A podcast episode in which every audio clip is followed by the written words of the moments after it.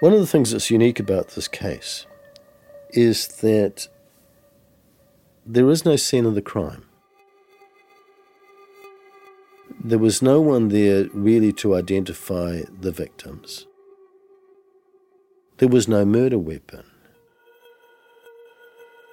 Ett och ett halvt år efter Urban Höglin och Heidi Pakkonens försvinnande inleds rättegången. David Wayne Tamiri står åtalad för mord. It was a watershed case in New Zealand legal history. Det är ett unikt rättsfall på Nya Zeeland. There are only a few cases in New Zealand's legal history where charges have been laid without the recovery of bodies. The trial was huge in New Zealand. I tre veckor ska en jury på 12 personer få lyssna till 80 vittnen och titta på mer än 200 föremål som åklagaren lagt fram som bevisning. It was already a big deal locally.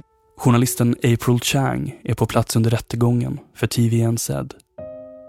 But of course, because of the international interest, that also made it even bigger. So we covered it pretty much every day. Åklagaren menar på att den åtalade, David Wayne Tamahiri, har mördat svenskarna och gjort sig av med deras kroppar. Men han förnekar. Han säger att han aldrig har träffat dem. Kropparna har inte hittats. Mordvapnet har inte hittats. Och man har inte heller funnit platsen för var det påstådda brottet ska ha ägt rum. Istället talar åklagaren om att tvinna trådar. Att i det här målet finns flera trådar av bevis. Trådarna är inte tillräckligt starka för att bevisa något i sig själva, men när man tvinnar ihop flera trådar så bildar det ett kraftigt rep. De kallar det för att binda samman strands of a rope. So it's all strands of a rope. And there was in New Zealand a real desire to find out what had happened to these two Swedish tourists. The public gallery in courtroom 6 was packed when the jury returned at 5 o'clock last night. There was silence as the jury's forewoman was asked by the court registrar if they'd reached a verdict. The response was yes. En mörk historia. The Swedes, morden på svenskarna på Nya Zeeland. En serie i sju delar av Love Lysarides. After a five-week trial and a three-day deliberation by the jury, the verdict has finally come through in the Swedish tourist case. Vill du lyssna på resten av den här serien? Bli prenumerant på Podme eller Thirdair Plus. Det gör du antingen via thirdair.studio eller podme.com. Då får du också exklusiv tillgång till alla avsnitt av En mörk historia. Det här är den fjärde delen. Rättegången.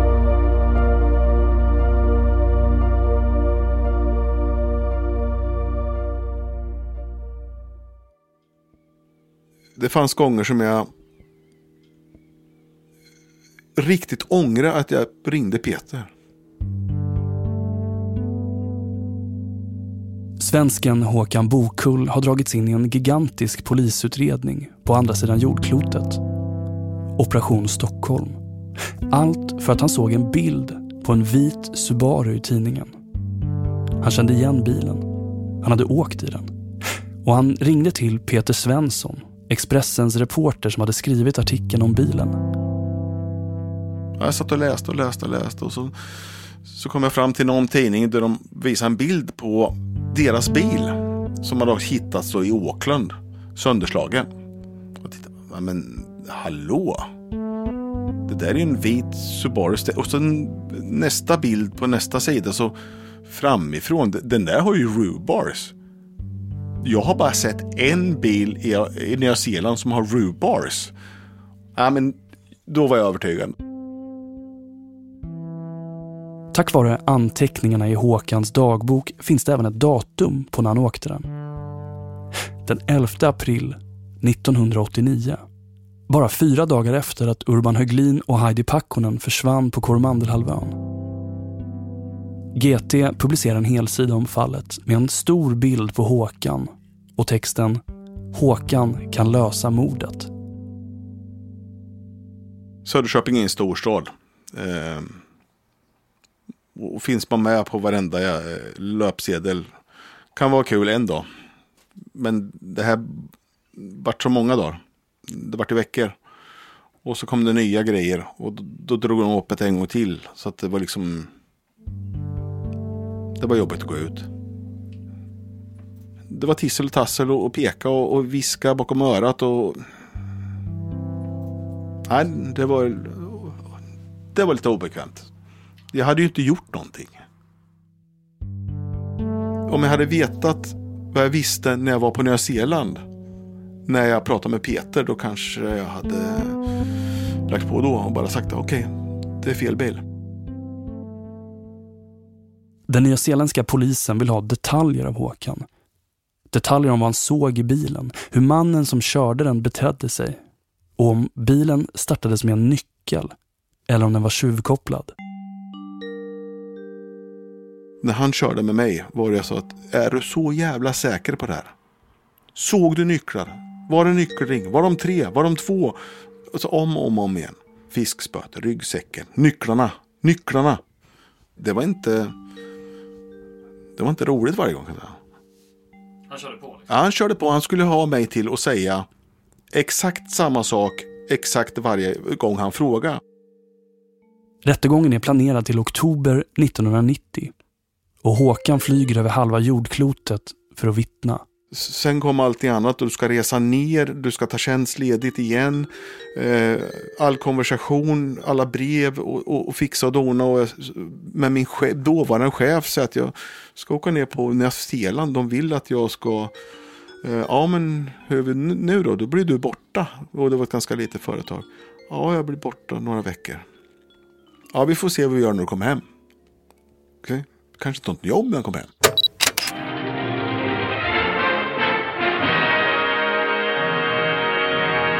Det är han till höger. Han heter David Wayne Tamihere. Han är 35-årsåldern och är tidigare dömd för både dråp och våldtäkt. I morse ställdes han inför domstolen i Auckland anklagad för att ha stulit de två svenska ungdomarnas hyrbil, en vit Subaru. Det är fullsatt i rättssalen. Åhörarna sitter längst bak. Medier på ena sidan och så juryn på den andra. Men just den här gången finns ett annat, ovanligt inslag i rättssalen. Åklagaren har tryckt upp stora porträtt på Urban Höglin och Heidi Pakkonen. De står där, längst fram under rättegången. I en nyzeeländsk rättegång är det upp till en jury på 12 personer att fälla avgörandet. 12 medborgare utan erfarenhet av rättegångar eller polisutredningar ska i slutändan bestämma. Håkan Bokull kallas till vittnesbåset. Framför honom sitter David Tameheri. Men han klev in och satte sig mitt emot och jag skulle svära eden och han satt och stirrglodde på mig. Det var nästan... Jag ska inte säga att det är så, men ja, då och i det ögonblicket så kände jag att ja, det kan vara han. Det kan vara han. Han är ju kolsvart. Han borrar mig rakt igenom. Han viker inte blicken en tum. Han tokstirrar på mig.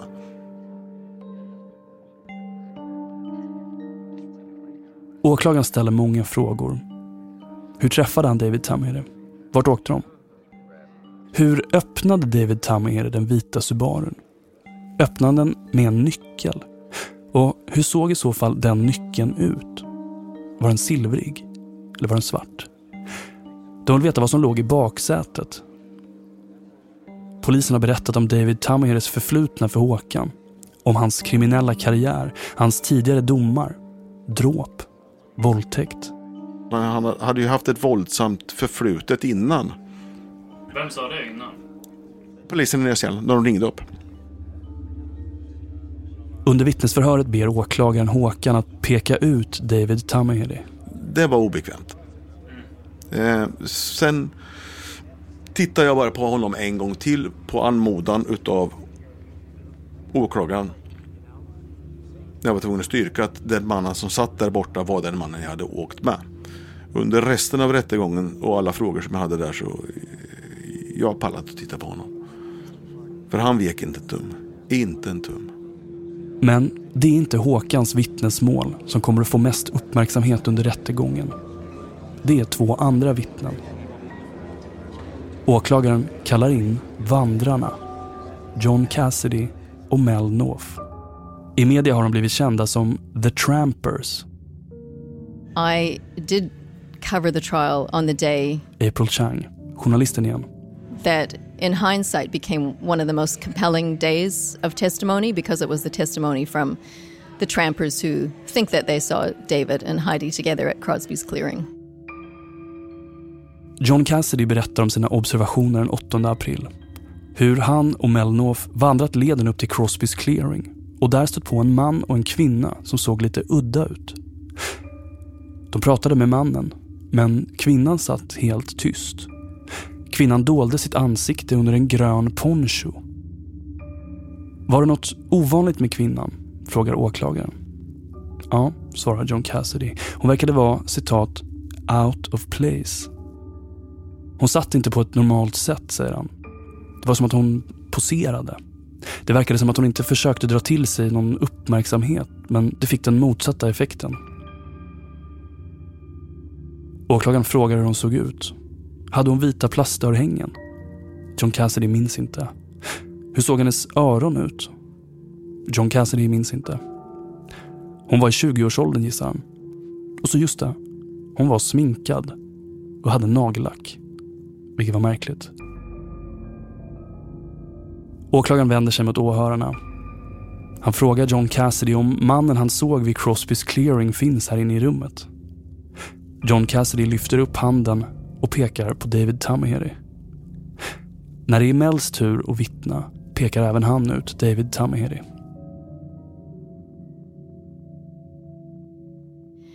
I remember at the time thinking that they really felt they had seen David and Heidi together.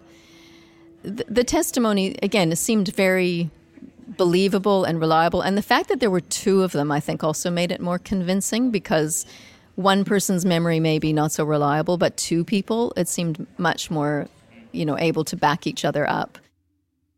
Det här kommer att bli det enskilt viktigaste vittnesmålet i hela rättegången. För vandrarna är de enda i den här utredningen som kan placera både offer och förövare på samma plats vid samma tidpunkt. This was a really important part of the case for the prosecution because it proved a connection or it painted a connection between David and Heidi. Åklagaren kallar in nästa vittne.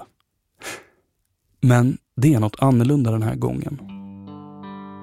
För vittnet som kliver fram till båset är eskorterad av två vakter.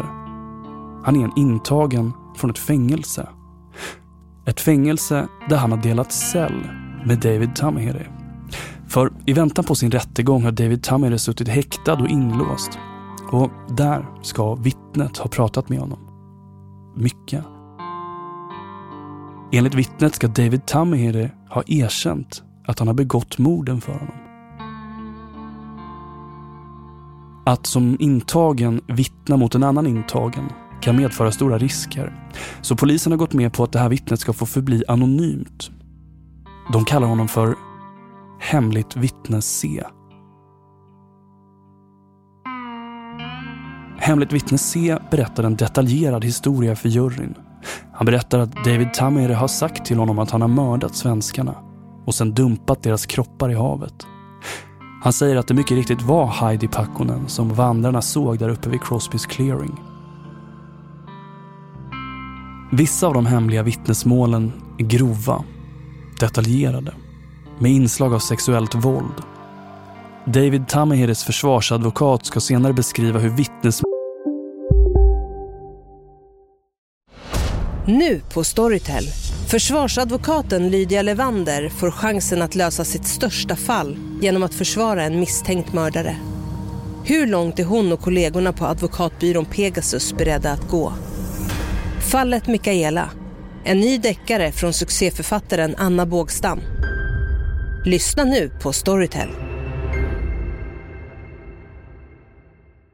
Njut av Max Selection El Maco med Premium Beef. Vår saftiga och lyxiga burgare av 100% svenskt nötkött och 100% fantastisk smak. För ett ännu godare McDonalds. Hej, Susanne Axel här. När du gör som jag och listar dig på en av Krys vårdcentraler får du en fast läkarkontakt som kan din sjukdomshistoria. Du får träffa erfarna specialister, tillgång till lättakuten och så kan du chatta med vårdpersonalen. Så gör ditt viktigaste val idag, lista dig hos Kry. Målen förändrade hela atmosfären i salen. Juryn blev så förskräckta, så förfärade att de bad om att få ta en paus efteråt. Det hemliga vittnet bekräftar även en annan teori som åklagarna haft. The Crown had argued that David Tamahiri had taken Urban's watch and given it to his son.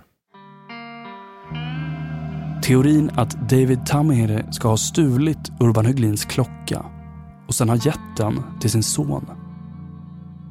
Det är en viktig del av bevisningen för klockan binder samman David Tamahiri med Urban Höglin. Han måste ha träffat honom för att kunna ta klockan. This was a really important part of their case because it was the only part of evidence that linked um, Tamahiri Donna Chisholm igen. with them. Journalisten. Everything else, the car, the sightings, it didn't prove that he'd even met them. This did, because if he had Urban's watch, he had come into contact with them. So it was a, hugely important. Åklagaren har visat på flera trådar. Strands of a rope talas det om. Trådarna är inte tillräckliga när de står för sig själva. Men när de tvinnas ihop med varandra så bildar de ett kraftigt rep. Genom att binda samman flera trådar målar åklagaren upp ett händelseförlopp. Den 7 april lämnar Urban och Heidi frisersalongen i Thames. De ger sig ut i regnskogen för att vandra och av en slump stöter de där på David Tamhere. En våldsam, sinnesförvirrad galning. Vid något tillfälle mördar han Urban Höglin och tvingar sedan Heidi Pakkonen upp till Crosbys clearing. Han tvingar henne att sminka sig. They said that she'd, she was wearing makeup and had nail polish, and there was some suggestion that Tamahiri had made her put on the makeup and put the nail polish on as some sort of sexual deviancy in, in, in a rape fantasy thing. Det är alltså Heidi Pakkonen som är kvinnan i den gröna regnponchon, menar åklagaren. Strax därefter råkar de stöta ihop med John Cassidy och Mel North, vandrarna. Det här förklarar mötet vid Crosbys clearing. När John och Mel kommer dit har Heidi Pakkonen precis bevittnat mordet på sin man. Och det hon precis har gått igenom, det hon precis har sett, det ska förklara hennes tystnad. Hon var i ett tillstånd av chock. So she was terrified for her life, and that's why she responded that way. Journalisten Donna Chisholm igen. So the implication was that David had said to her that I'll do to you what I did to Urban if you say a word. När John Cassidy och Mel North kommer till gläntan vid Crosbys clearing befinner sig Heidi Pakkonen alltså enligt åklagaren i ett tillstånd av frozen fear. Han hänvisar till en psykologiprofessors utlåtande. Hon är handlingsförlamad. Det är den här berättelsen som juryn får höra. Trådarna. Trådarna som ska tvinnas ihop. Det är vandrarnas vittnesmål. Det är bilen. Det är det hemliga vittnet. Och så klockan. Samtidigt som de hela tiden har två bilder på det unga svenska paret framför sig. Look at these lovely people. David Tamiri är tyst under hela rättegången. These lovely blonde Swedish people in front of the jury. Dokumentärfilmaren Brian Bruce ser en cynisk strategi bakom det här. Att visa upp bilderna. Now look at David Tamahiri. And this is the, the underscore script. Now look at David Tamahiri, and he is dark, he is Maori. He doesn't ever speak, he doesn't give testimony himself. I efterhand är det många som kommer att beskriva David Tamahiri på samma sätt där i rättssalen. Som farlig. Han är ju kolsvart. Läskig. med en penetrerande blick. Han borrar mig rakt igenom, han viker inte blicken en tum, han stirrar, tokstirrar på mig. He definitely had a kind of a bulky, brooding sort of presence. April Chang, journalisten, håller med. People talked about his sort of penetrating stare and, and, and it's it's fair to say that that was a, an accurate description at the time in court. I guess I think of it as a as a as a small woman myself. He definitely had a sort of a, a bulk. So you've got beauty on the one side of the courtroom and the beast in the dock.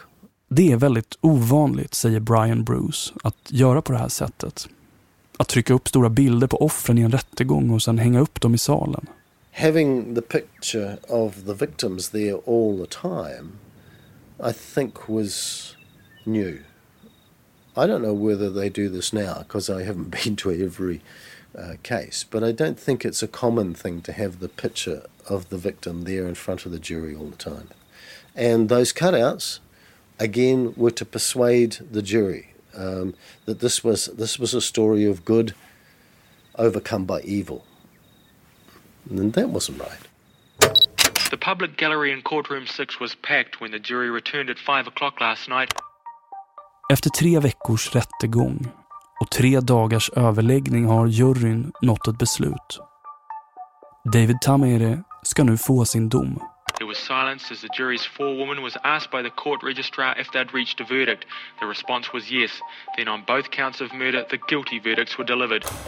David Wayne Tamere döms för morden på Urban Höglin och Heidi Pakkonen. After a five week trial and a three day deliberation by the jury, the verdict has finally come through in the Swedish tourist case.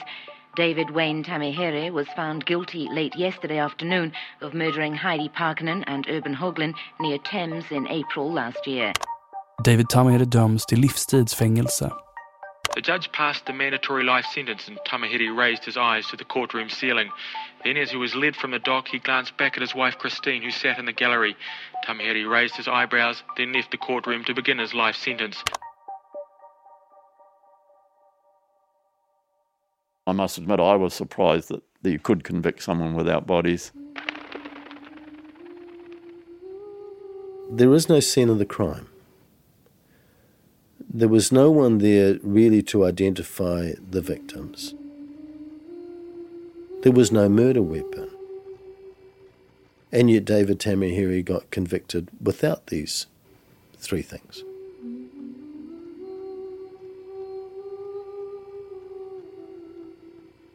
David Tamere är 37 år gammal när han döms för morden på svenskarna i trakten runt Crosbys clearing. I mean, you couldn't have a conversation with anyone anywhere in town without it cropping up. Graham Pierce, volontären i Operation Stockholm igen. And it's affected a lot of the guys. There's one guy there that reckons it destroyed his marriage because he got so involved. He just neglected everything to keep searching and searching. Tillsammans med några vänner vandrar Graham Pierce upp till Crosbys clearing igen. Den här gången med en ryggsäck full av sand och metall. Han ska sätta upp minnesstenen. I mean, I, I know I carried a, a backpack full of sand and metal up into Crosby's to put that little memorial up there. Um, yeah, that was quite heavy for an old fella. Här är det. In memory of Heidi Pakkonen and Urban Hoglin. Swedish tourists who died tragically near here. So you get to a stage where you have to let go, and it takes a while. Because even after he was convicted, not only myself, but several others of the guys that I knew in search and rescue would spend their weekends roaming up here on the trails, going off the trails, and will search down a creek or something, anywhere you can walk. Graham Pierce är 82 år idag, men kan fortfarande inte riktigt släppa det. Han har sparat nästan allt. Bilder, anteckningsblock, PM från Operation Stockholm. Incredible how many people volunteered Yeah. to help. Because there are hundreds of people in total. Yeah, that's. I think that's John Cassidy. Mm.